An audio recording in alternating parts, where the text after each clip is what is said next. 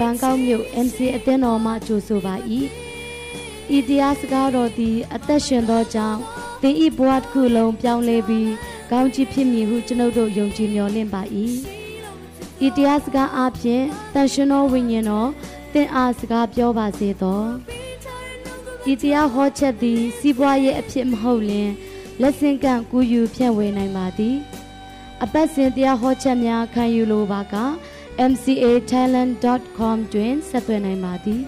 ရှိလို့မဖြစ်တော့တာသမီးများကျွဲဘူရောပေးချင်နှုတ်ကပတော်လေးဖြစ်ပြီးဖျားရှင်နာမဘုန်းကြီးပါစေနှစ်တိအခန်းကြီး1အငယ်ခုနှစ်မှာဖျားသခင်သည်ငါတို့အားကြောက်တတ်သောသဘောကိုပေးသည်မဟုတ်တကိုးပါသောစိတ်ချစ်တတ်သောစိတ် ရှင်းနေတဲ့စိတ်သဘောကိုပေးတော်မူ၏တဲ့ဒီနေ့ကြောက်တတ်တဲ့သဘောကကျွန်တော်တို့ရဲ့အကြီးမားဆုံးသောယန္တုဖြစ်တယ်ကျွန်တော်ဘာလို့ဘာကြောင့်ဘုရားသခင်ပြောတဲ့စကားကိုမယုံရဲတာလဲကြောက်လို့မဖြစ်လာမှာကိုကြောက်လို့ဘာဖြစ်လို့မျောလင့်ချက်မထားရဲတာလဲမဖြစ်လာမှာကြောက်လို့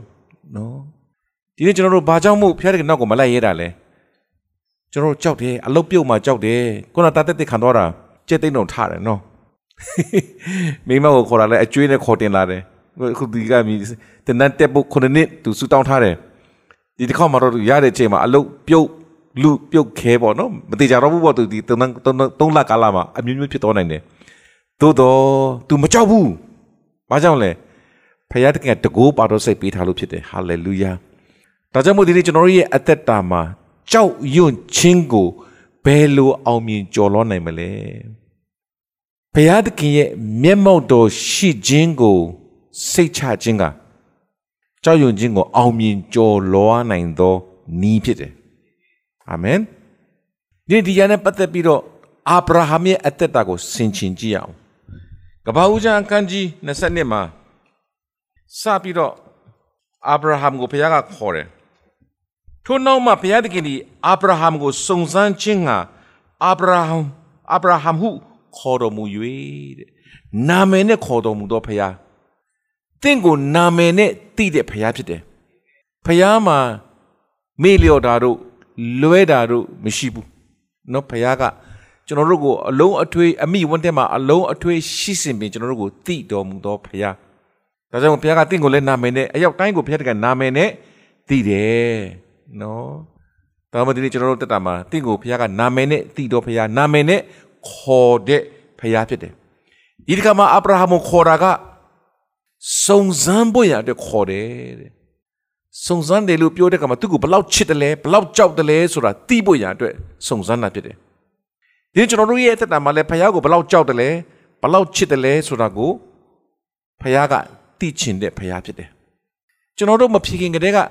သိတဲ့ဖရားဖြစ်ပေမဲ့လည်းဖရားဖြစ်တော့ကြောင့်လည်းဒီကလည်းဒီမှာသိချင်တဲ့သဘောရှိတယ်ဆိုတာကိုဒီမှာကျွန်တော်တို့ တွေ့ရတယ်အာဗြဟံကဘာကြောင့်မို့ဖယားတခင်စကားကိုယုံရဲတာလဲသူ့အစခေါ်ကလေးကမိမိနေရင်ဒေတာကနေထွက်လာခဲ့ငါပြက်လက်တန်သောပြီမင်းသွားရမယ်လို့ပြောတဲ့ခါမှာလိပ်စာလည်းမရှိဘူး GPS လည်းမရှိဘူးနော်ဒါပေမဲ့အာဗရာကချက်ချင်းနားထောင်တယ်ချက်ချင်းသူထွက်သွားတယ်အာဗြဟံနေခဲ့တုန်းကသူ့မှာတရိစံတွေမြောက်များစွာပွားများပြီးတော့ အစဉ်ပြေနေတဲ့အချိန်အဲ့ဒီ comfort zone ကနေထွက်ရမယ့်အရာ तू မကြောက်ဘဲနဲ့ तू ထွက်တာဖြစ်တယ်။ဘာကြောင့်လဲ။ဖယားသခင်တတ်နိုင်တယ်ဆိုတာကိုယုံတဲ့တကိုးပါသောစိတ်ရှိသောကြောင့်ဖယားသခင်ရဲ့နှုတ်ကပတ်တော်အပေါ်မှာနှုတ်ကပတ်တော်ရဲ့တတ်နိုင်ခြင်းတကိုးကိုယုံလာတဲ့အခါမှာအဲ့ဒီသူ့မှာတကိုးပါသောစိတ်ကရှိလာတာဖြစ်တယ်။အာမင်။သင်ဒီအလွန်ချစ်သောတယောက်ဒီသောသားဣဇက်ကိုယူ၍ မောရိပြည်သို့သွားလော့ငါပြက်လက်တန်သောတောင်ပေါ်မှာသူ့ကိုမိရှို့ရာရစ်ပြု၍ပူဇော်လော့ဟုမိန့်တော်မူ၏ဒီအမှုကအင်မတန်မှသူ့အတွက်ခက်ခဲသောအမှုဖြစ်တယ်အသက်ကြီးမှမျောလင့်ခြင်းမရှိတော့တဲ့အချိန်ဖခင်ဂရိတော်ကတော့လာပြီမင်းကလူမျိုးကြီးဖြစ်စေမယ်အာဗြဟံမင်းရဲ့အသွေးတွေကထွက်တဲ့သားအဖြစ်ငါလူမျိုးကြီးဖြစ်စေမယ်လို့ဂရိရှိတယ်ဒါပေမဲ့ချက်ချင်းဖြစ်မလာဘူးနော်ချက်ချင်းဖြစ်မလာတဲ့အတွက်သူက ဇာတိနဲ့စဉ်းစားပြီးတော့ဟာဂရနဲ့ကလေးယူလိုက်သေးတယ်အဲ့ဒါကယနေ့တိုင်အောင်ဣရှမေလအမျိုးပွားများလာပြီးတော့တိုင်းနိုင်ငံမျိုးများစွာကိုယုံကြည်ဆန်ကပ်ဖြစ်မဲ့လူမျိုးဖြစ်ဖြစ်သွားရတာဖြစ်တယ်သို့တော်လည်းဘုရားသခင်ကတိတ်ပြီးတော့ကောင်းမြတ်တဲ့ဘုရားသခင်ဖြစ်တယ်ယောသကြီးတွင်းထဲမှာကြာနေတဲ့အချိန်ပထမဦးဆုံးယောသကိုတွင်းထဲကနေပြီးတော့ခေါ်ထုတ်ဖို့ရအတွက်ဘုရားသခင်ကအဲ့ဒီမိဒရန်ကုံတယ်တွေဆိုတာကဣရှမေလအမျိုးကနေဆင်းသက်လာတဲ့အမျိုးဖြစ်တယ် အဲ့ဒီလိုဟာဂရာအပြင်မာပြီးရတဲ့ကလေးဖြစ်ပေမဲ့ဖခင်ကအသုံးပြုတယ်ပြောချင်တာကဖခင်ကလူတိုင်းကိုအသုံးပြုနိုင်တဲ့ဖခင်ဖြစ်တယ်အာမင်ဘယ်သူကမှပေါ့မတွက်ဖို့ရှော့မတွက်ဖို့ကျွန်တော်တို့လိုအပ်တယ်ဆိုတာကိုသင်ခန်းစာယူစရာအကြောင်းရှိပါတယ်ဆိုဒီနေရာမှာဂတိတော်ကြောင့်နေပေါင်းများစွာဆောင်းခဲ့ရတယ်အချိန်တန်တဲ့ကမှာတော့တာဣဇက်ကိုတော့ရပြီနော် ဆိုတော့ဣဇက်ဆိုတဲ့အတိတ်ဘက်ကရေမောရတော့အခွင့်နော်အာစိတ်သက်သာသွားတယ်ဘုရားခင်ရဲ့ဂတိငါပေါ်မှာပြည့်စုံပြီဘုရားခင်ကတစ္ဆာရှိတဲ့ဘုရားဟာလေလုယာဆိုပြီးရေမောခါစပဲရှိသေးတယ်သားကိုပေးပါတဲ့တောင်းလာပြီနော်အချစ်ဆုံးသောသားတဲ့တူတီတော်သားတဲ့ဒီနေ့သင်ကိုဘုရားသခင်ကဘလောက်ချစ်တယ်လဲဘလောက်ကြောက်တယ်လဲကိုစုံစမ်းခြင်းတင့်စီကအချစ်ဆုံးတန်ဖိုးအထားဆုံးအရ ရဆရာအကြောင်းမရှိတော့တဲ့အရာမျိုးကိုဘုရားကတောင်းရင်ဒီအာဗြဟံကဲ့သို့ကြောက်ရွံ့တဲ့စိတ်မရှိဘဲနဲ့ပြီးနိုင်ပါမလားအာဗြဟံကဘာကြောင့်လဲဆိုရင် तू ကမကြောက်ဘူးဘာကြောင့်မကြောက်လဲငါကိုးကွယ်တဲ့ဖခင်ငါ့ကိုခေါ်တဲ့ဖခင်ကဣဇက်ကိုတပ်ပြီးပူဇော်ရင်တော့မှတေခြင်းမှရှင်ပြန်ထမြောက်နိုင်တဲ့ဖခင်ဖြစ်တယ်ဆိုတာကို तू ကယုံတယ်တဲ့အာမင်မျှော်လင့်တယ်နော်ဆိုတော့အခက်ခဲဆုံး အရာကိုရင်ဆိုင်ဖို့အစဉ်သင့်ဖြစ်တယ်လို့အကောင်းဆုံးသောအရာကိုလည်းမျော်လင့်တတ်တော်သူဖြစ်တယ်ဟုတ်ပြီနော်အခက်ခဲဆုံးသောအရာကိုရင်ဆိုင်ဖို့အစဉ်သင့်ဖြစ်တယ်လို့အကောင်းဆုံးသောအရာကိုလည်းမျော်လင့်တာဖြစ်တယ်သူသားဣဇက်ကိုသူကလေပင်ကိုဓာတ်နဲ့လှိမယ်မိရှို့မယ်ရစ်ပူဇော်မယ်အဲ့ဒီသားဣဇက်ကပြန်ပြီးရှင်ပြန်ထမြောက်နိုင်တယ်ဆိုတော့သူမျော်လင့်တယ်ပြန်ဆက်ကြည့်အောင်အငယ်လေးမှာ သုံးရမြောက်သောနေ့၌မျော်ကြည့်၍တဲ့ထိုအရက်ကိုအဝေးကမြင်လင်တဲ့နော်ငယ်သားနှစ်ယောက်တို့အားသင်တို့သည်ဤအရက်၌မြင်းနှင့်အတူနေရကြလော့ငါသည်ငါငါသည်သားနှင့်အတူထိုအရက်တို့တွား၍ကိုးကွယ်ခြင်းကိုပြုအပ်ထိုအမှုပြီးမှသင်တို့ရှိရာသင်တို့စီတို့ပြန်လာအောင်မီဟုဆိုလေ၏အင်္ဂလိပ်ကျမ်းစာမှာတော့ we will come back ဆိုစကားကိုသုံးတယ်ပြောချင်တာကသူနဲ့သူသားက ရစ်ပူဇော်ခြင်းအမှုပြီးတဲ့အခါမှာပြန်လာမယ်စဉ်းစားကြည့်နော်တိုက်ရမယ်ဆိုသူသိလားသိတယ်ပူဇော်ရမယ်ဆိုသူသိလားသိတယ်နော်စဉ်းစားကြည့်လေပင်လှီးပြီးတော့အသက်ပျောက်သွားတဲ့ခန္ဓာကိုယ်ကြီးကိုရှင်ပြန်ထမြောက်ဖို့ဆိုတာကမျောလင့်ချက်ရှိသေးတယ်မီးရှို့လိုက်တဲ့ပြာကြီးကိုလူပြန်ဖြစ်လာဖို့ဆိုတာကပိုးပြီးမျောလင့်ချက်မရှိတော့တဲ့အခြေအနေဖြစ်တယ်အဲ့လိုမျောလင့်ချက်လုံးဝမရှိတော့တဲ့အခြေအနေမှာအာဗြဟံကဘာကိုဘာကိုမျောလင့်လဲငါနဲ့ငါသား အတူပြန်လာမယ်တဲ့ဟာလေလုယာသင်ကဘုရားကပေါ်မှာဘလောက်စိတ်ချတယ်လဲဘလောက်ယုံတယ်လဲနော်တကိုးပါတော့စိတ်နှုတ်ကပတ်တော်အပေါ်မှာယုံတဲ့အခါမှာနှုတ်ကပတ်တော်ရဲ့တန်နိုင်ကြီးတကိုးကိုပါသူကရတာဖြစ်တယ်ပြီးတဲ့အခါမှာချစ်တတ်သောစိတ်ဖယားကငါသည်မနာလိုဝန်တိုတတ်သောဖယားငါမတပါအခြားသောဖယားကိုဥမချဝုမပြုမကိုးကွယ်ရ ဘုရားခင်သူတယောက်သေးကိုပဲတပါးသေးကိုပဲချစ်စေခြင်းတော့ဘုရားခင်ဖြစ်တယ်။တော့တင်းရဲ့အသက်တာမှာဘုရားသခင်ထက်တာပြီးချစ်တဲ့အရာပါတခုမှမထားနဲ့။ထားရင်ဣဇက်ကိုခေါ်တယ်လို့တောင်းတယ်လို့ဘုရားခင်တဲ့စကားတောင်းလိုက်မယ်။တော့တင်းကဘုရားခင်ကိုအချစ်ဆုံးနံပါတ်1နေရာမှာအမြဲတမ်းထားပါနော်။တော့ဘုရားခင်ကအမြဲတမ်းတင်းရဲ့အသက်တာမှာနံပါတ်1ဖြစ်ပါစေ။တင်းမိသားစုအားလုံးကလည်းဘုရားခင်နံပါတ်1ပဲဖြစ်ပါစေ။အဲ့ဒီခါမှာ ထိုအခါရစ်ပူဇော်စရာထင်းကိုယူ၍သားဣဇက်အပေါ်မှာတင်ပြီးလင်မိနစ်ဓာကိုမိမိလက်၌ကင်လျက်နှစ်ယောက်အတူသွားကြ၏ဣဇက်အပေါ်မှာတင်နေဆိုတော့ဣဇက်ကအဲ့ဒီအချိန်မှာအသက်16နှစ်လောက်ရှိပြီခမန်းချေရပါတော့သူထင်းကိုထမ်းသွားရပုံဖြစ်တယ်အဘလို့ခေါ်တယ်အဘကလည်းအဗြဟံကသူရှိတယ်လို့ထူတယ်ထင်းလည်းရှိတယ်မီးလည်းရှိတယ်ရစ်ကောင်ပဲမှာလဲတဲ့ အင်မတန်ဖြေရခဲ့တဲ့အဖြေပါသူကငါသားကရစ်ကောင်အနေနဲ့ငါကရစ်ပူဇော်ရမယ်လို့မဖြေရက်ဘူးလေဒါပေမဲ့ तू ဘာမျောလင့်တယ်လဲဖယားသခင်ပြင်ဆင်လိမ့်မယ်အာမင်သင်ရဲ့အသက်တာအတွက်အခက်ခဲဆုံးအချိန်အလိုအဆုံးအရာထက်တာ၍ကောင်းသောအရာကိုဘုရားကပြင်ဆင်ပေးမယ်ဘုရားဖြစ်တယ်။သင်ရဲ့အသက်တာမှာအခက်ခဲဆုံးအချိန်မှာသင်ရဲ့အလိုအဆုံးအရာကိုဘုရားခင်ကအကောင်းဆုံးသော အရာကိုပြင်ဆင်ပေးမယ်ဘုရားသခင်ဖြစ်တယ်။ဒီနေရာမှာကျွန်တော် principle တွေအများကြီးကျွန်တော်တို့ယူလို့ရတယ်။ထိုသူနေကိုမှအငယ်ကိုရောက်လာပြီးထိုတို့နေရောက်အတူတွား၍ဘုရားသခင်မိန့်တော်မူသောအရာတို့ရောက်ကြသောအခါအာဗြဟံသည်ယစ်ပလင်ကိုတီ၍ထင်းကိုခင်းပြီးလျင်သားဣဇက်ကိုချီနှောင်၍ယစ်ပလင်၌ထင်းပေါ်မှာတင်ထား၏အာဗြဟံကအာဗြဟံအနေမှာအနေယာမှာတင်နေကြည့်ပါ တင်အချစ်ဆုံးသောသားတူဒီသောသားဂတိတော်အပြည့်ရသောသားတင်ကယစ်ပူဇော်ဖို့ချီရတဲ့အလုပ်ဆိုတာဒီအချိန်မှာအာဗြဟံကအသက်ကြီးပြီနော်ဣဇက်ကအင်မတန်မှလူပြိုတမ်းမာတဲ့အရွယ်ရောက်ပြီဣဇက်ကလည်းမငင်းရှာဘူးနော်အဖေတဘောအဖေလို့ချင်တာလုပ်ပါလို့သူသဘောတူပြီးတယ်အချီအနောင်ခံတယ်ရစ်ပလင်ပေါ်မှာအတင်ခံတယ်နော်စဉ်းစားကြည့်အောင်တင်သားလင်တင်သားကို ကျိုးနဲ့ချီပြီးလေပြီးလှီးရမယ်အလုပ်လုပ်ဖို့ကျိုးသားကိုကျိုးချီတယ်ဆိုရင်သားကလည်းမျက်နှာငယ်လေးနဲ့အဖေဒါဘာလို့လဲအဖေရစ်ကောင်ကကျွန်တော်ကိုရစ်ပူစော်မှလို့မင်းတင်ဘယ်လိုဖြစ်မလဲအာဗြဟံကဖျားပြင်ဆင်လိမ့်မယ်လို့ဖြေတယ်အကောင်းဆုံးကိုမျှော်လင့်တယ်အဆိုးဆုံးတွေ့တဲ့သူကရင်ဆိုင်ဖို့အဆင်သင့်ပဲသူတကယ်ကိုဓာတ်ကိုဆွဲထုတ်တာနော်ဆွဲထုတ်ပြီးတော့လေဘင်းကိုခုတ်ဖြတ်ဖို့ a split of second second ဘိုင်းလေးမှာ ကောင်းကင်တမန်ကရုတ်တရက်ပေါ်လာပြီဖခင်တကယ်ဘယ်တော့မှနောက်မကြဘူးအာမင်အာဗြဟံအာဗြဟံနခါရောင်ခေါ်တယ်နော်ဆိုတော့ဤသူငယ်ကိုအလင်းမထိနဲ့တဲ့ထိုလူလင်ကိုမထိမခိုက်နဲ့အလင်းမပြုတ်နဲ့တင်းရဲ့အသက်တာမှာအခက်ခဲဆုံးတင်ကြုံတွေ့ရခါနီးနောက်ဆုံး second အထိဖယားခင် can interfere လို့ခေါ်တယ် ဘုရားသခင်ဝင်ရောက်နေရာယူဖြည့်ရှင်းပေးပိုင်တဲ့ဖခင်ဖြစ်တယ်။ဒါကြောင့်မို့နောက်ဆုံးအချိန်အထိအဆိုးဆုံးသောအချိန်အနည်းအထိပြင်ဆင်ရင်ဆိုင်ဖို့လည်းအစင်သင့်ဖြစ်ပါကြောက်တဲ့စိတ်လုံးဝမရှိနဲ့။အာဗြဟံလုံးဝမကြောက်ဘူးနော်။အာဗြဟံဒီကြောက်ရွံ့ခြင်းစိတ်မရှိလို့တော့မရေးထားပေမဲ့သူလှုပ်တဲ့အရာကိုကြည့်ချင်းအပြင်သူကစောင်းမိုင်းလို့ခေါ်တယ်။ရှင်းလင်းတဲ့စိတ်သဘောတူရှိတယ်။ဖခင်တကယ်မှာရှင်းရှင်းလင်းလင်းသူယုံတယ်။ ရှင်းရှင်းလင်းလင်းမျော်လင့်တယ်ရှင်းရှင်းလင်းလင်းဝန်ခံတယ်အဲ့ဒါတိတ်အရေးကြီးတယ်လုံးဝတန်တရားစိတ်နှခွာမရှိဘူးစိတ်နှခွာရှိရင်ဖယားတကယ်မှာဘာကူမှ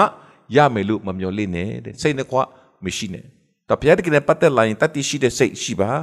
ချစ်တတ်တဲ့စိတ်ရှိပါဘုရုကိုချစ်ရမှာလဲအရာအလုံးထက်ဘုရားကိုချစ်ပါတကောပါတော့စိတ်ကဘုရားကပေးမှာဖြစ်တယ်တကောဘေကနေရတာလဲနှုတ်ကပတ်တော်အတန်တော်ကနေရတာဖြစ်တယ် ဘုရားကခေါ်တဲ့အတွက်ဘုရားတာဝန်ယူမယ်ဆိုတာ तू တိတဲ့ဘုရားတိတဲ့ तू ဖြစ်တယ်အာဗြဟံကဟာလေလုယာအဲ့ဒီအခါမှာတင်းဒီဘုရားသခင်ကိုကြောက်ရွံ့သည်ဟုယခုငါသိ၏တခါတခါကောင်းကင်တမန်ကပေါ်လာပြီးတော့လှုပ်ဆောင်သွားတဲ့အရာရှိတယ်။ကောင်းကင်တမန်ကလည်းဖခင်ရဲ့ကိုယ်စားလှယ်ဖြစ်တယ်လို့ဖခင်ဖြစ်တယ်လို့လည်းတချို့နေရာဒီမှာကောင်းကင်တမန်နဲ့ဖခင်ကအတူတူဖြစ်တဲ့ပုံစံမျိုးနဲ့ပြောထားတဲ့အရာတွေအများကြီးရှိတယ်။ ဖခင်ကိုစားပေါ်လာတဲ့ကောင်းကင်တမန်ပေါ့နော်။ဖခင်ပဲပေါ့။ဖခင်စိတ်တဘောကိုပဲပြောတာဖြစ်တယ်။ငါသိပြီတဲ့အကြောင်းမူကတင်းဒီတင်းဤသားတင်း၌တယောက်ဒီတော့သားကိုငါတောင်း၍တင်းဒီငါကိုမငင်းဟုမိန့်တော်မူ၏။ never say no to God amen တခါတခါကျွန်တော်တို့ဘုရားသခင်ကိုပေးနိုင်တဲ့အရာကိုတော့ပေးဖို့ဝမလေးပေမဲ့မငင်းပေမဲ့ကိုမပေးနိုင်တဲ့အရာကိုကြတော့ကျွန်တော်တို့ကဘုရားသခင်ကိုကြောက်လို့ကြောက်တယ်ဆိုဘာကိုကြောက်တာလဲ ဘုရားကိုကြောက်တာမဟုတ်ဘူးနော်ဘုရားသခင်ကမင်းရှိတဲ့အရာအလုံးပေးပါလို့ပြောတဲ့ချိန်ကျွန်တော်တို့ပေးရဲလားမပေးနိုင်တဲ့ဘာကြောက်လဲကြောက်လို့ဘာကြောက်တာလဲရှေ့ဘာနဲ့စားမလဲဘာနဲ့နေမလဲအိမ်လက်ကဘယ်လိုပေးမလဲအဲ့ဒါကိုကြောက်တော့ကြောက်မပေးရတာတင်တယ်တကယ်ပဲကြောက်တတ်တဲ့စိတ်မရှိဘူးတကိုးပါတဲ့ရှိမယ်ချစ်တတ်တဲ့စိတ်ဘုရားကိုတကယ်ကိုအချစ်ဆုံးဖြစ်တယ်ဆိုရင်ဘုရားကတောင်းတမြတင်မပေးဘဲမနေဘူး ကျွန်တော်တို့အတွေ့အရွယ်ရောက်လာကြပြီအိမ်ထောင်တွေလည်းရှိလာကြပြီတာသမီလည်းရှိလာကြပြီနော်ကိုအချစ်ဆုံးဇနီးတယ်အချစ်ဆုံးဇနီးတယ်ကတောင်းဆိုတဲ့အရာတင်မပေးဘဲနေမလားဘယ်နေပါမလဲနော်ကျွန်တော်တို့ကိုယ့်ရဲ့ချစ်တဲ့သူအချစ်ဆုံးတဲ့သူအတွက်ဆိုအမြဲတမ်းအလိုဖြည့်ပေးဖို့ဘယ်တော့မှမငင်းဆန်ဖို့သဘောကရှိပါတယ်ဒီနေ့မှာအာဗြဟံကဘယ်တော့မှမငင်းဆန်ဘူးဘာကြောင့်လဲဖဘုရားကိုအချစ်ဆုံးဖြစ်သောကြောင့်ဘုရားရဲ့စကားပေါ်မှာစိတ်ချသော တကိုးပါတဲ့စိတ်ရှိသောကြောင့်ရှင်းလင်းတဲ့စိတ်ရှိသောကြောင့်သူကရှင်းရှင်းလင်းလင်းပြတ်ပြတ်သားသားလုပ်ရဲဆုံးဖြတ်ရဲတာဖြစ်တယ်အဲ့ဒါကကျွန်တော်တို့တရမှာသင်ခန်းစာယူဖို့ရအတွက်ဖြစ်တယ်အဲ့ဒီခါမှာနောက်တစ်ခု principle ကတင်းငါကိုမငြင်းဟုမိန့်တော်မူ၏ထိုအခါတဲ့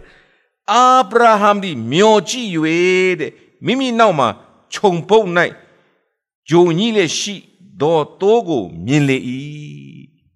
အာဗြဟံက ပပလည်းမှာကြည့်တယ်လို့မပြောဘူးနော်မျောကြည့်တယ်ဆိုဘာကိုပြောရလဲနော်ကောင်းကင်ကိုမျောကြည့်တာတခါတကျွန်တော်တို့အကူအညီလိုလာတဲ့အခါမှာကောင်းကင်ကိုမျောကြည့်ခြင်းထက်ပတ်ဝန်းကျင်ကကိုယ့်ကိုဘယ်သူကမဆနိုင်တယ်လဲမဆဘူးတော့သူမဆနိုင်တော့သူနော်ဖြစ်နိုင်ခြေရှိတဲ့အရာကိုကျွန်တော်တို့ကကြည်တတ်တယ်အရင်ကောင်းကင်ကိုမျှော်ကြည့်ပါလို့အာမင်ဤတရလူမျိုးတွေအေဂရုပြည်ကျွန်းခနဲ့နေရာကနေပြန်ထွက်လာတဲ့အချိန်နောက်ကနေပြီးတော့ ဖာရောဘီကစိတ်ပြောင်းလဲပြီးတော့ဒီကျွန်းနေငါတို့ပြန်ပြီးတော့ခေါ်ပြီးကျွန်းပြန်ခိုင်းမှပဲဖြစ်တော့မယ်ဆိုပြီးတော့မြင်းစည်းစစ်သူရဲ့600နဲ့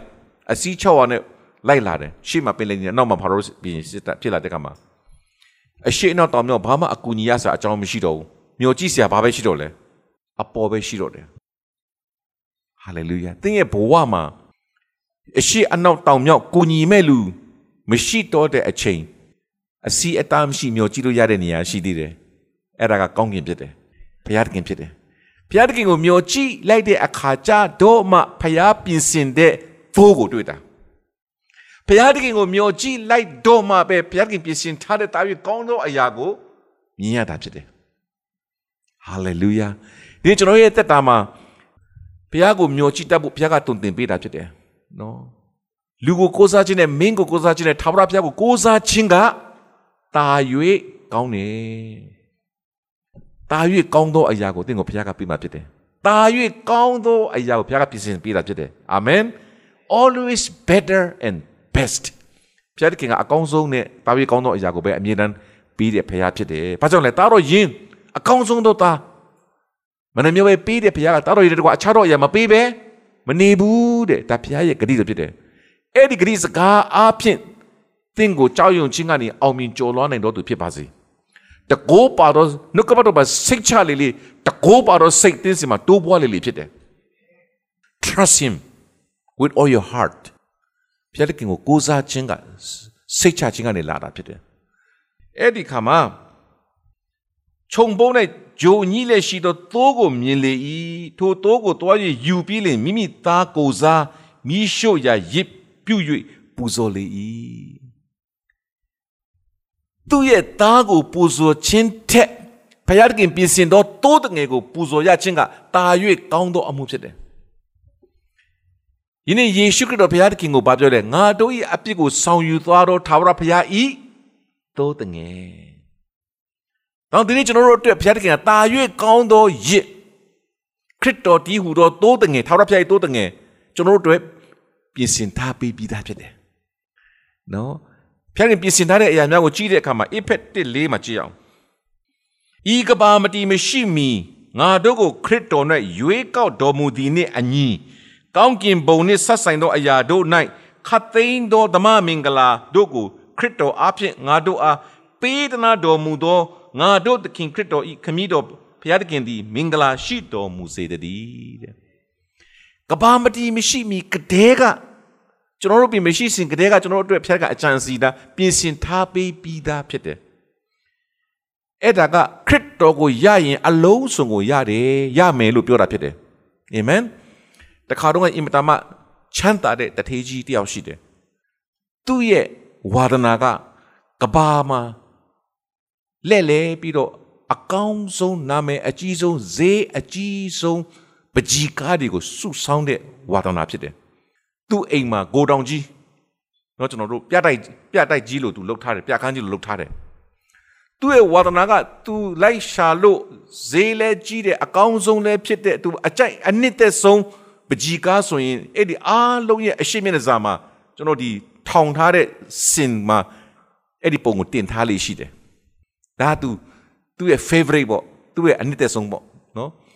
အဲ့ဒီအနှစ်သက်ဆုံးကဘာလို့ကြာမလဲတော့မသိဘူး နောက်တစ်ခေါက်သူကဘာဝင်လိုက်လဲပြီးတော့နောက်တစ်ခေါက်သူပို့ပြီးကြိုက်တယ်တွေ့ရင်လေအဲ့ဒီနေရာမှာနေရာပြောင်းပြီးတော့အဲ့ဒါအဲ့ဒီမူလရှိတဲ့အကြိုက်ဆုံးကတော့တနေရာမှာချိန်ထားလိုက်မယ်နောက်တော့အကြိုက်ဆုံးကိုပြန်ပြီးတော့နေရာထားလေးရှိတယ်သူ့မှာသားတစ်ယောက်တည်းပဲရှိတယ်ဆိုတော့သူ့ရဲ့သားကိုလည်းသူ့ရဲ့အမွေအနှစ်ဖြစ်တဲ့ဒီပကြီးကားတွေကိုတံပိုးထားတတ်တဲ့အရာကိုလည်းသူ့သားကိုအမွေဆက်ခံစေခြင်းတယ်သူ့သားကိုခေါ်သွားလေရှိတယ်သူ့သားနဲ့အတူ ပကြီးတွေကိုလိုက်ပကြီးကားတွေကိုလိုက်ရှာတဲ့အလုပ်သူတွားတယ်ဒုတိယကမ္ဘာစစ်ဖြစ်လာတဲ့အခါမှာအသက်16နှစ်အထက်ယောက်ျားတွေအားလုံးစစ်ထဲဝင်ရမယ်ဆိုတော့သူ့သားကစစ်ထဲဝင်ဝင်သွားရတဲ့ဘောနော်စစ်သားဖြစ်သွားရတာပေါ့နော်အဲ့ဒါနဲ့စစ်မြေပြင်ရှေ့တန်းမှာသူအင်မတန်ရင်းနှီးတဲ့အဖော်တယောက်ရှိခဲ့တယ်အဲ့ဒီအဖော်ကအညာအောတာမန်ပကြီးဝဒနာအိုးဖြစ်တယ်ဆိုတော့တနေ့သူတို့ရှစ်တန်းမှာ သူတို့စစ်ခဏနားနေတုံးသူ့တငယ်ချင်းရဲ့ပုံကိုပုံတူခဲနဲ့ပကြီးဆွဲပြီးတော့သူကတိမ့်ထားမိတယ်နောက်မကြခင်မှာတိုက်ပွဲမှာအဲ့ဒီတထေးသားကတိုက်ပွဲမှာကြာသွားတယ်ဆိုတော့သူ့အဖေကိုဒီတရင်ရောက်သွားတဲ့ခါမှာသူ့အဖေလည်းအယောင်ဝမ်းနဲ့ကြည်ကွေးတာပေါ့နော်တနေ့ကျတော့ဒုတိယကမ္ဘာစစ်ပြီးသွားတဲ့ခါမှာသူ့သားကသူ့သားရဲ့တငယ်ချင်းကသူ့တငယ်ချင်းရဲ့အဖေကိုရှာဖွေလိပ်စာရီရှာဖွေပြီးတော့လာပြီးတော့ လာတွေ့တယ်သူမိတ်ဆက်တယ်ကျွန်တော်ကစစ်တိုက်တုံးရှစ်တန်းမှာဒီနော်ဦးလေးရဲ့သားနဲ့အရင်အဆုံးမိတ်ဆွေပါဆိုတော့သူ့အတွက်ကျွန်တော်ပကြီးဆွဲထားတဲ့အရာလေးတစ်ခုရှိပါတယ်အဲ့ဒါအမတ်တရအနေနဲ့ဦးလေးကိုလာပေးကျွန်တော်လာပေးတာပါလို့သူကြည့်တဲ့ကပကြီးကဖြန့်လိုက်တဲ့အခါမှာကဘာကျော်ပကြီးစီယာတွေဆွဲတယ်လို့တော့ကောင်းတဲ့ပကြီးကတော့မဟုတ်ပါဘူးဒါပေမဲ့သူ့ရဲ့အချစ်ဆုံးသားရဲ့ပုံဖြစ်နေတယ် သူအရန်ကျေးဇူးတင်အရန်တန်ဖိုးထားပြီးတော့မှန်ပေါင်သွင်းပြီးတော့သူအကြိုက်ဆုံးထားလေရှိတဲ့နေရာမှာအဲ့မှာသူထားလိုက်တယ် he place in that place ပေါ့နော်နေရာထားလိုက်တယ်ဒါနဲ့တနေ့ကျတော့ဒီတထေးကြီးကအသက်ကြီးလာတဲ့ခါမှာသူဆုံးခါနီးမှာသူတည်တန်းစာသူရေးခဲ့တယ်ငါတည်သွားခဲ့ရင်တဲ့ဒီပကြီးကားဒီကိုလေလံတင်ရောက်ပြီးတော့ တိုင်းပြည်အတွက်ကောင်းတဲ့နေရာမှာရံပုံငွေပေးလိုက်ပါတဲ့ဒါပေမဲ့တဲ့လေလံတင်တဲ့အခါမှာပထမဦးဆုံးလေလံတင်ရမယ့်အရာကတော့ငါသားရဲ့ပကြီးကားကိုလေလံတင်မှာဖြစ်တယ်အဲ့ဒီငါသားရဲ့ပကြီးကားကိုလေလံရသွားတဲ့လူကအခန်းထဲမှာရှိရှိတဲ့ပကြီးကားအားလုံးကိုရစေလို့တည်တန်းစာရေးခဲ့တယ်အဲ့ဒါနဲ့တထေးကြီးဆုံးသွားတဲ့နောက်ပိုင်းမှာသူ့ရဲ့ရှေ့နေတွေကဒီလေလံ ပြိုင်ပွဲကြီးညာလိုက်တာပေါ့နော်လူတွေအရန်စိတ်ဝင်စားတယ်ဘာကြောင့်လဲဒီတထေးကြီးကကဘာအရရကနာမည်ကြီးဈေးကြီးတဲ့ပကြီးကားတွေအများကြီးစုဆောင်းတိုင်းဆိုတော့သူတို့သိတယ်ဆိုတော့အဲ့လိုမျိုးပဲဝါသနာပါတဲ့တထေးတွေနော်ဒီရှေးဟောင်းပစ္စည်းတွေကိုစုဆောင်းတဲ့လူတွေနာမည်ကြီးပကြီးကားတွေမထင်နဲ့နော်နာမည်ကြီးပကြီးကားတွေကမီလီယံနဲ့ဒေါ်လာမီလီယံနဲ့ပေးရတယ်ကဘာပေါ်မှာကျွန်တော်တို့အခုတည်းဒီနာမည်ကြီးနေတဲ့အရာကဟိုအမျိုးသမီးပုံလေးပါလေအေးမိုနာလီဇာနော်အငုံမျက်လုံး အပြုံးမျက်နှာဆိုပြီးတော့နာမည်ကြီးတယ်လေနော်ဆိုတော့အဲ့လိုပကြီးကားတန်ဖိုးရှိတဲ့ပကြီးကားတွေပေါ့နော်ဆိုတော့အဲ့ဒီမှာသူတို့လေလံပွဲမှာလူတွေအများကြီးကဘာအရက်ရက်ကနေပြီးတော့အဝေးကနေပြီးတော့အကုန်ကြခံပြီးတော့လာကြတယ်အလုံးစိတ်လို့ရှားကြတယ်ဘယ်ပကြီးအကအကောင်းဆုံးကိုများလေလံတင်မလဲလို့မျှော်လင့်ကြတယ်လေလံတင်ဖို့စပြီးတော့ခေါင်းခေါင်းလုံးတိကမှာလေလံစပါတော့မယ်တင်းလို့ခါကျလူတွေအားလုံးကရိုးရိုးရိုးရိုးဖြစ်သွားကြတယ်သူလေလံပရောဆိုလေလံပြည့်မဲ့ပကြီးကားကို ကျွန်တော်တို့ဒီအဖုံးခွာလိုက်တဲ့ခါမှာတော့သူတို့ထင်ထားတဲ့ကဘာကျော်ဆရာကြီးတွေရဲ့အကောင်းဆုံးအလှဆုံးပကြီးကားတွေမဟုတ်ဘူးတာမန်ပကြီးဆရာတယောက်ရေးထားတဲ့ခဲနဲ့ဆွဲထားတဲ့လူတယောက်ပုံဖြစ်နေတယ်အဲ့ဒါကသူ့သားရဲ့ပုံဖြစ်တယ်ဘယ်သူမှစိတ်ဝင်စားဘူးဟာ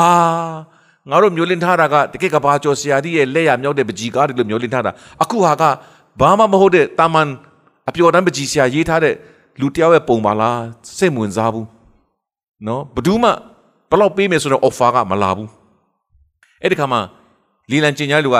ဒီပကြီးကားကို25ဒေါ်လာကနေစပါမယ်ဘယ်သူပေးမလဲဘယ်သူမှမပေးဘူးစိတ်ဝင်စားအောင်အဲ့ဒီအချိန်မှာအနောက်နားကနေပြီးတော့အဖိုးကြီးတယောက်ကခတ်ဆွတ်ဆွတ်ပြက်ပြက်နဲ့ဖိုးကြီးတယောက်ကရောက်လာတယ်ရောက်လာပြီးတော့အဲသူလီလန်ဆွဲတဲ့လူပြောပါတယ်လူကြီးမင်းခင်ဗျာကျွန်တော်အဲ့ဒီလေလံကိုယူပြရစေ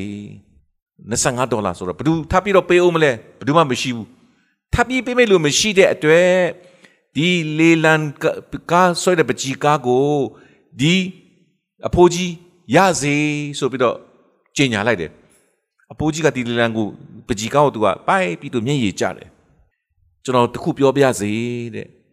အမှန်တကယ်တော့တဲ့ဒီပကြီးကားက25ဒေါ်လာထဲမှာကကျွန်တော်ပေးချင်ပါတယ်တဲ့ကျွန်တော်မှအဲ့လောက်ပဲရှိလို့ကျွန်တော်ဒါပဲပေးတာပါတဲ့ဒီပကြီးကားကကျွန်တော်တထေးရဲ့သားပါကျွန်တော်ကဒီတထေးရဲ့ ခြံမှာအလုပ်လုပ်တဲ့မာလီပါတဲ့ကျွန်တော်တထေးအင်မတန်မှတန်ဖိုးထားတဲ့သူ့သားရဲ့ပုံဖြစ်တဲ့အတွက်ကျွန်တော်လည်းအရန်ကိုတန်ဖိုးထားပါတယ်တဲ့။ဒါကြောင့်ကျွန်တော်ဒီပကြီးကားကိုကျွန်တော်ကရယူတာဖြစ်ပါတယ်လို့ပြောတဲ့အခါမှာကဲတထေးကြီးရဲ့တေတန်းစာသူ့သဘောအရဒီပကြီးကားလေလံပြီးတဲ့အခါမှာဒီသူ့သားရဲ့လေလံဝယ်ပြီးတဲ့အခါမှာတေတန်းစာဖတ်ပါလို့ပြောတယ်တဲ့။ဒါနဲ့စာရွက်ကိုသူဖွင့်စာရွက်ကိုဖောက်ပြီးတော့သူကချက်ပြီးတဲ့စာအုပ်ကိုဖောက်ပြီးတော့ဖတ်လိုက်တယ်။ ယခုသူ့ရဲ့သားရဲ့လေလံပကြီးကားကိုလေလံရသွားတော့သူကတခန်းလုံးမှာရှိတဲ့ပကြီးကားအားလုံးရစေဟာအားလုံးဟာကနေဟင်ကနေဖြစ်သွားတယ်နော်ဒီနေ့ကျွန်တော်ရဲ့တက်တာမှာယေရှုခရစ်တော်ကိုရတော်သူကကောင်းကင်နဲ့ဆက်ဆိုင်တဲ့အရာအားလုံးရစေဒါကြောင့်မို့ဤကဘာမတီမရှိမီ ငါတို့ကိုခရစ်တော်၌ရွေးကောက်တော်မူသည်နှင့်အညီကောင်းကင်ဘုံနှင့်ဆိုင်သောအရာတို့၌ခတ်သိမ်းသောဓမ္မမင်္ဂလာခတ်သိမ်းသောဓမ္မမင်္ဂလာတို့ကိုခရစ်တော်အဖြစ်ငါတို့အားပေးတနာတော်မူသောငါတို့တခင်ယေရှုခရစ်ခမည်းတော်ဘုရားသခင်သည်မင်္ဂလာရှိတော်မူစေတည်းဆိုတော့ဘုရားသခင်ပြင်ဆင်သောတိုးတငယ်ဤစက်တဲ့တာ၍ကောင်းသောရစ်ခရစ်တော်တည်ဟူသောဘုရားသခင်တိုးတငယ်ကိုဒီတော့ကျွန်တော်တို့အတွက်ပြင်ဆင်ထားပြီးပြီဖြစ်တယ် ဒါကြောင့်မကြောက်နဲ့မစိုးရိမ်နဲ့အာမင်ကျွန်တော်တို့မယုံရဲတာဘာကြောင့်လဲကြောက်လို့မလှူရဲတာမပေးရဲတာဘာဖြစ်လို့လဲမလောက်ကုန်တော့မှဆိုးလို့မလောက်မှဆိုးလို့ကြောက်လို့ဒါတော့ကြောက်ရွံ့ခြင်းကစာရန်စီကလာတာဖြစ်တယ်ဆရာပြောပြမယ်တချို့တရေ၆တဲ့နေရာဒီမှာအဲ့ဒီနေရာဒီတာအကြောင်းဘာမှမသိဘဲနဲ့တင်ရောက်သွားတဲ့အခါမှာဘာကြောင့်လဲမသိဘဲနဲ့ကြက်သိမ်းထပြီးတော့ကြောက်တဲ့စိတ် တပြန်းပြန်းပေါ်လာတာမျိုးကြုံဘူးလားဆရာကတော့ကြုံဘူးတယ်ဆရာပြောပြမယ်စာရမဏတ်ရဲ့အခြေအနေကရှုံးနေတော်သူဖြစ်တယ်။ထမင်းရောကျမ်းမှာနောက်ဆုံးညတာဦးတွေကိုတတ်မဲ့ညမမီလားမသိဘူးနော်။တတိုင်းပြည်လုံးမှာရှင်ဘုရင်ကနန်းတော်ကအစဟိုးအချုပ်ခန်းအထိတာဦးတွေကိုတတ်မဲ့ညလေ။တာဦးတွေကိုတတ်လိုက်တဲ့အခါမှာ ထုတ်တမ်းမှာတိုးငယ်အသွေးတုတ်ထားတဲ့အိမ်ကလွဲပြီး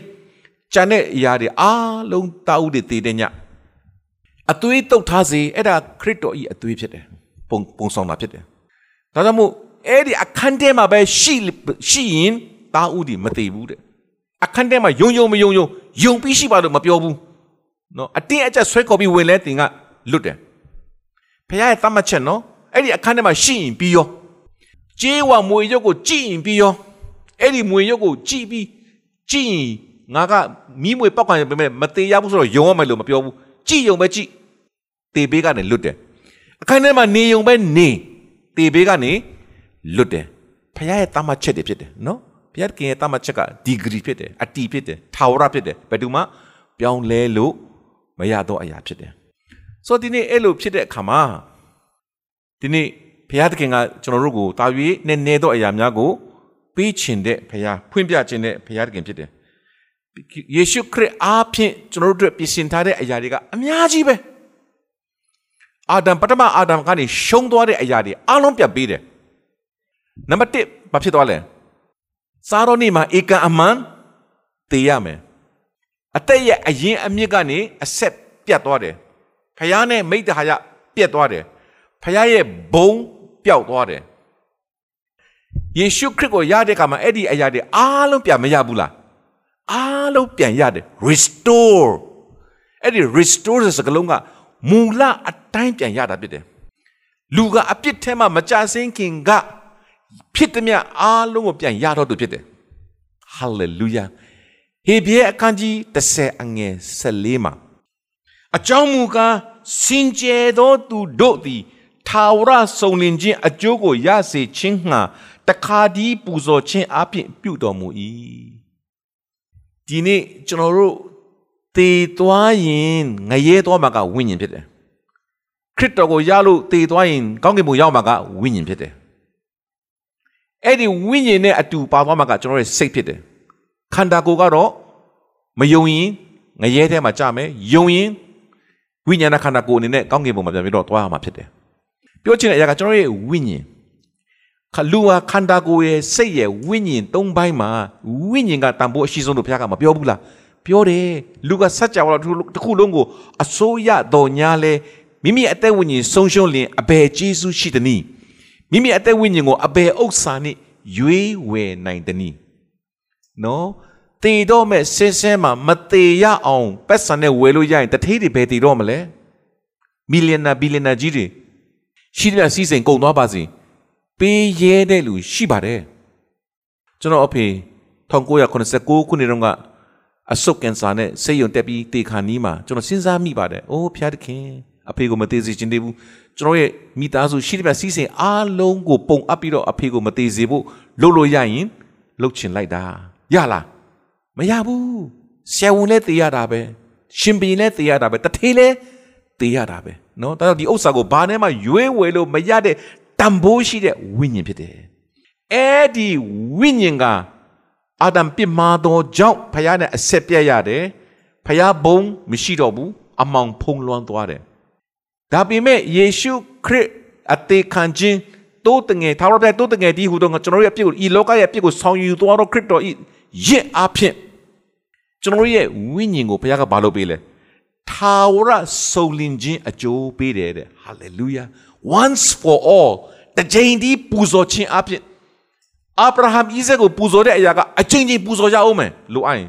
ဒါပေမဲ့ယေရှုခရစ်ပြင်ဆင်တဲ့တိုးတငယ်အဖြစ်တစ်ချိန်တည်းနဲ့ complete perfect နော်ပြည့်စုံသွားပြီလို့ပြောတဲ့အခါမှာထပ်ဖြစ်လို့လည်းမလိုတော့ဘူးထပ်လို့ဆရာလည်းမလိုတော့ဘူးပြည့်စုံသွားပြီသင်ရဲ့ဝိညာဉ် ယေရှုခရစ်ကိုမိမိရဲ့ကယ်တင်ပါရှင်အနေနဲ့စိတ်နှလုံးကယုံပြီးနှုတ်ကဝန်ခံလိုက်တဲ့နေ့ကစပြီးတော့ပထမအာဒမ်မပြစ်မှားခင်ကဲ့သို့ဆုံလင်သောဝိညာဉ်ကဲ့သို့ဘုရားကပြန်မွေးဖွားစေပြီဖြစ်တယ် you are reborn being born again နော်ထပ်ပြီးတော့မွေးဖွားတာဖြစ်တယ်လူစားတိအပြည့်မွေးတော့ရကဇာတိဖြစ်တယ်ဝိညာဉ်အပြည့်မွေးတော့ရကဝိညာဉ်ဖြစ်တယ်တင်းရဲ့ဝိညာဉ်ကဘုရားရဲ့ဝိညာဉ်အဖြစ်ထပ်မမွေးဖွားပြီးတော့အသစ်ဖန်ဆင်းသောအရာဖြစ်သောကြောင့် perfect spirit ဆုံလင်သောဝိညာဉ်ဖြစ်တယ်အာမင်အဲ့ဒီဝိညာဉ်ကဆုံလင်တယ်ဒါပေမဲ့လူတွေကဝိညာဉ်ဆုံလင်ခြင်းကိုနားမလည်ဘူး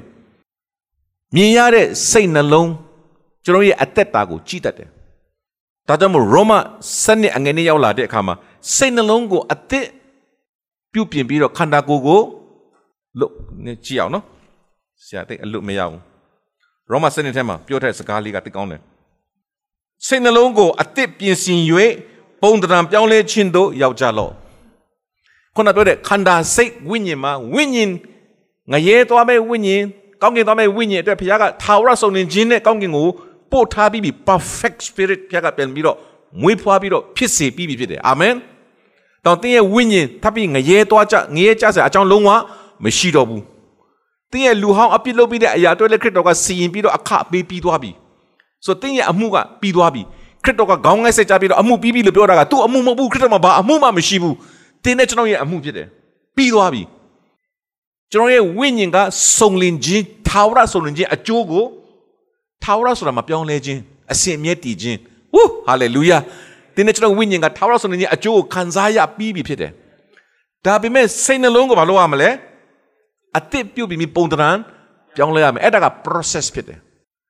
ဘယ်အထိလောက်ရမှာလဲခရစ်တော်ဤဘုံအတရေပြည့်စုံသောခန္ဓာကိုယ်ကဲ့သို့ဖြစ်သည့်အထိကျွန်တော်တို့အခုသက်ရှင်တဲ့ကာလကနေပြီးတော့တည်တဲ့အထိတောင်းလျှောက် from glory to glory precept upon precept နော်နှုတ်ကပတ်တော်တစ်ခုပြီးတစ်ခုတိဆောက်ခြင်းဘုံတစ်ခုပတ်တစ်ခုတိုးတက်ခြင်းအပြင်ကျွန်တော်တို့အဲ့ဒီပြောင်းလဲခြင်းဖြစ်စဉ်ကအစဉ်အမြဲရှိသွားမှာဖြစ်တယ်နော်ဝိညာဉ်ကစုံလင်ခြင်းရောက်ပေမဲ့စိတ်နှလုံးကပြောင်းလဲတာကအစင်မပြေသေးဘူး။ရာဂိုင်နှုန်းနည်းသေးတယ်ဆိုရင်ပုံမလာသေးဘူး။ သူ့ရဲ့စိတ်နှလုံးသူ့ရဲ့ခန္ဓာကိုယ်သူ့ရဲ့အကျင့်ပုံမလာတော့ကြောင့်ဒီလူကကယ်တင်ခြင်းမရဘူးလို့စီရင်လို့မရဘူး။သူ့အတွက်ခရစ်တော်ကအသေးခံပြီးပြီဖြစ်တယ်။အာမင်။ယုံကြည်သူဖြစ်ခဲ့တယ်ဆိုရင်နော်။ဒါမှကျွန်တော်တို့ယုံကြည်သူတွေကကျွန်တော်တို့က overnight လို့ခေါ်တယ်ညတွင်းချင်း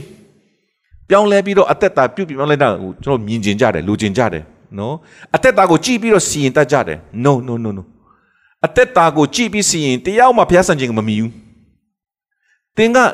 နည်းနည်းပိုကောင်းလို့အပြစ်စင်ခြင်းနဲ့စိတ်ရှိရင်လည်းဖျားကပါပြောလဲအပြစ်လုံးဝမရှိရင်တော့ကင်းနဲ့ပေါက်ပါတယ်။တော့ဒီနေ့ကျွန်တော်ရဲ့တတာမှာပြောချင်တဲ့အရာကဖျားခင်ပြင်ဆင်ပေးတဲ့ရစ်ကတာ၍ကောင်းသောအရာဖြစ်တယ်အာမင်ထာဝရဆိုရင်ချင်းအကျိုးအထိဖြစ်စေမဲ့ယေရှုခရစ်တီဟူသောထာဝရဘုရားတိုးတကယ်ကျွန်တော်တို့အတွက်ပြင်ဆင်ထားပေးပြီးပြီအသေးခံခဲ့ပေးပြီးပြီဂျေဇုပြုခဲ့ပြီးပြီ ဒါကြောင့်ကျွန်တော်တို့ပြင်ဆင်ထားတဲ့ကောင်းကင်ရဲ့ဆက်ဆံဓမ္မမင်္ဂလာအလုံးစုံကျွန်တော်တို့ပြင်ဆင်ထားတဲ့အရာကိုအကောင်းဆုံးကိုမျှော်လင့်ပါစားအဲ့ဒါကိုပြောတာကျွန်တော်သိရဲ့အသက်တာမှာကြုံတွေ့ခဲ့ရတဲ့အရာကိုမရင်ဆိုင်ရဲတာကြောက်တာကဘာကြောင့်လဲကြောက်ရွံ့ခြင်းကစာရန်စီကလာတယ်။အော်ခုနစကားပြန်ဆက်မယ်။ဧကုတုပြည်ကနေနောက်ဆုံးညမှာတာဥဒီတတ်တဲ့ညမှာစာရမဏကအလွန်ပြင်းသေးလောက်အောင်ကြောက်တယ်လို့ပြောတယ်။သေးလောက်အောင်ကြောက်တယ်နော်။ အဲ့ဒီခါမှာသူတို့တိုင်းသူပြည်သားတွေအားလုံးဧကုတုလူတွေကမေမင်းကြီးတို့မောင်မင်းကြီးသားတို့အမြန်တော့ကြွပေတော့ငါတို့တိုင်းပြည်ကနေထွက်သွားပေတော့မင်းတို့တာထွက်သွားမယ်ဆိုငါတို့အိမ်ကကြိုက်တာယူသွားနှစ်တောင်းယူမလားယူသွားလက်စွပ်ယူမလားယူသွားနော်လက်ကောက်ယူမလားယူသွားအကိုတို့ယူသွားထွက်သွားရင်ပြီးရောဒီအမင်္ဂလာလူမျိုးကြီးတွေတို့မခံနိုင်တော့ဘူးဒီနေ့စာရမဏကရှုံးနေတော့ကြောင့်အလုံးပင်ကြောက်ရွံ့တော့သူဖြစ်တယ်ဒါကြောင့်မို့စာတန်ရဲ့ကြောက်ရွံ့တဲ့စိတ်တဘောက သူရှိတဲ့နေရာမှာကျွန်တော်တို့ကိုလွန်မိုးတာဖြစ်တယ်နားလေတယ်နော်ကျွန်တော်တို့ခွေးဒီရှေ့မှာကျွန်တော်ရောက်သွားရင်ကြောက်တဲ့စိတ်ကဘွားကနေပေါ်လာတယ်အထက်ကနေပြီးတော့ဒီကျွန်တော်တို့ရဲ့ glance ကနေပြီးတော့အရီအနှံ့တစ်မျိုးထွက်တယ်အဲ့ဒီအနှံ့ကိုခွေးကရတဲ့အခါမှာပို့ပြီးတော့ခွေးကကိုက်ပွင့်ရအကြောင်းဖြစ်တယ်ဒီနေ့စာဒန်မာနတ်ကလည်းသူသိတယ်ကျွန်တော်တို့ကကြောက်တတ်တဲ့စိတ်ရှိလာပြီဆိုသူသိတယ် အဲ့ဒီကြောက်တတ်တဲ့အရာနဲ့စာတန်ကကျွန်တော်တို့ကိုအမြဲတမ်း control လုပ်ထားတယ်နော်ဒါကြောင့်မို့ဒီနေ့ယေရှုကိုယုံကြည်သောသားသမီးတို့သည်ကျွန်တော်တို့အတွက်ပါ၍ကောင်းသောရစ်ကိုပြင်ဆင်ထားသောအရာဖြစ်တယ်ဆိုတော့သိပါမကြောက်နဲ့တကိုးပါတော့စိတ်ရှိပါတကိုးပါတော့စိတ်ကနှုတ်ကပတ်တော်ကိုယုံကြည်ခြင်းဝန်ခံခြင်းလက်ခံခြင်းသိခြင်းကနေပြီးတော့ရတာဖြစ်တယ် The know the more you know about the word of God the more you will have the power of God နှုတ်ကပတ်တော်ရလေလေတကိုးရလေလေဖြစ်တယ်နှုတ်ကပတ်တော်မှာစိတ်ချခြင်းကတကိုးဖြစ်တယ်ဒါဒီနေ့ကျွန်တော်တို့မှာကျွန်တော်တို့ရဲ့အသက်တာမှာဘုရားခင်ကကြောက်တို့ကြောက်ဖို့အလိုမရှိဘူးစကရေကခရစ်တော်ကိုယုံတဲ့ပေတရုဒီကြောက်ပမာငါအသင်းကိုငါတီဆောက်မယ်ဘယ်မနာငိုင်းတကားမှမစီတားနိုင်ရပြောထားပြီးသားနော်တင်တို့ကိုစာရမဏစီတားလို့မရဘူးစာရမဏစီတားလို့ရတာကကြောက်ရွံ့ခြင်းနဲ့ပဲတားလို့ရတာကြောက်တဲ့အတွက်မယုံရဲတော့ဘူး ကြောက်တဲ့အတွက်ဖျားတော့မလိုက်ရဲတော့ဘူးကြောက်တဲ့အတွက်မဆုံးဖြတ်ရဲတော့ဘူးနော်ဒါကြောင့်ဒီနေ့ကျွန်တော်ရဲ့တဏ္ဍာမှာကျွန်တော်တို့ကကြောက်ရွံ့ခြင်းကိုအောင်မြင်ကျော်လွှားနိုင်တော်သူဖြစ်ဖို့အဆိုးဆုံးကိုလည်းရင်ဆိုင်ဖို့အစဉ်သင့်ရှိပါအကောင်းဆုံးကိုလည်းမျှော်လင့်ပါအာဗြဟံပြောတဲ့စကားမှာဘာပြောထားလဲလို့ပြောတဲ့ခါမှာထိုအရက်ကိုယေဟောဝါရည်ရဟုအာဗြဟံသမုတ်လေ၏ထိုတို့နှင့်အညီတောင်ပေါ်မှာထာဝရဘုရားပြင်ဆင်တော်မူမည်ဟုဟုယနေ့တိုင်အောင်ဆိုလေရှိသည်တဲ့ hallelujah that is the principle of god ယနေ့တိုင်အောင်အဲ့ဒီယေဟောဝါကြီးပြင်ဆင်တော်မူတဲ့ဆိုတဲ့စကားကအာဗြဟံနဲ့ပြီးသွားတဲ့စကားမဟုတ်ဘူးယနေ့တိုင်အောင်ဆိုလေရှိဆိုတဲ့တိုင်ယနေ့တိုင်အောင်ကျွန်တော်တို့အတွက်အတီးစကားဖြစ်တယ်အာမင်ဒါကြောင့်မို့ဖျားခင်ပြင်ဆင်တော်မူမည်ဟုယနေ့တိုင်အောင်ဆိုလေရှိတည်းဆိုတဲ့စကားကိုဒီနေ့ကျွန်တော်မှတ်ကြုံရအောင် that is true for you even today ယနေ့ပင်တဲ့အတွက်လုံလောက်သောဂတိတော်မှန်ကန်သောဂတိတော်သုံးလို့ရတဲ့ဂတိတော်ဖြစ်တယ်ဆိုတာကိုဒီနေ့နှုတ်ကပတ်တော်အဖြစ်ကျွန်တော်တို့ခံယူကြရအောင်။ရောက်တိုင်းဖြတ်တခင်ကောင်းချီးပေးပါစေ။ကြောက်ရွံ့ခြင်းကိုအောင်မြင်ကျော်လွှားနိုင်ပါစေ။အာမင်။ဆုတောင်းရအောင်။အဖဘုရားသခင်ဘုရားသခင်ဒီကျွန်တော်တို့ကိုကြောက်တတ်တဲ့သဘောကိုပေးသည်မဟုတ်။တကောပါတော်စိတ် ချစ်တတ်သောစိတ်ရှင်းလင်းသောစိတ်သဘောကိုပေးတော်မူ၏လို့ဂတိစကားရှိတဲ့အတိုင်းကြောက်ရွံ့သောစိတ်များကိုယေရှုနာမ၌ဖယ်ရှားပါတယ်။မယုံကြောက်ရွံ့သောကြောင့်မယုံနိုင်ခြင်းကြောက်ရွံ့သောကြောင့်မစွန့်နိုင်ခြင်းကြောက်ရွံ့သောကြောင့်ဘုရားသခင်နောက်ကိုမလိုက်နိုင်ခြင်းဖဖရားသခင်ယနေ့အဲ့ဒီကြောက်တဲ့ဘောကိုယေရှုနာမနဲ့ဖယ်ရှားတယ်ယေရှုဘုရားသခင်ရဲ့မျက်မှောက်တော်အတူရှိခြင်းကကြောက်ရွံ့ခြင်းကိုအောင်မြင်ကျော်လွှတ်နိုင်တာဖြစ်တယ်တပည့်တော်တွေလိုက်တဲ့လေတွေကြားထဲမှာ ကြောက်ရွံ့နေတဲ့အချိန်မှာခရစ်တော်ရောက်လာပြီးတော့ငါပင်လင်ဖြစ်တယ်ကြောက်ရွံ့ခြင်းမရှိနဲ့လို့ပြောပါတယ် I am ကျွန်တော်အနီးနားမှာအမြဲတမ်းရှိသောသာဝရဘုရားအီမာနွေလဖယားကျွန်တော်အနားမှာအမြဲတမ်းနောက်မကြပဲရောက်တော်မူသောဖခင်မဆတော်မူသောဖခင်ဖြစ်သောကြောင့်အထက်ကိုမျှော်ကြည့်လျက်ယေဟောဝါကြီးရေလို့ကျွန်တော်တို့အမြဲတမ်းမြင်တတ်တော်သူများဖြစ်စေဖို့ကောင်းချီးပေးပါဖခင်မိတော်၏မြတ်တာတော်သည်၎င်းသားတော်သခင်ယေရှုခရစ်တော်ဖခင်၏ဂရုဏာတော်နှင့်တန်ရှင်တော်ဝိညာဉ်တော်ဖခင်၏ မိတ္တဟာယဖွဲ့ခြင်းသည်ယနေ့ဥပြုကိုးကွယ်တဲ့နှုတ်ကပတ်တော်ကိုခံယူကြသောတာသမီတယောက်စီတိုင်းအပေါ်မှာယနေ့မှစလျက်ကာလအစဉ်အမြဲတည်ရှိတည်နေပါစေသောအာမင်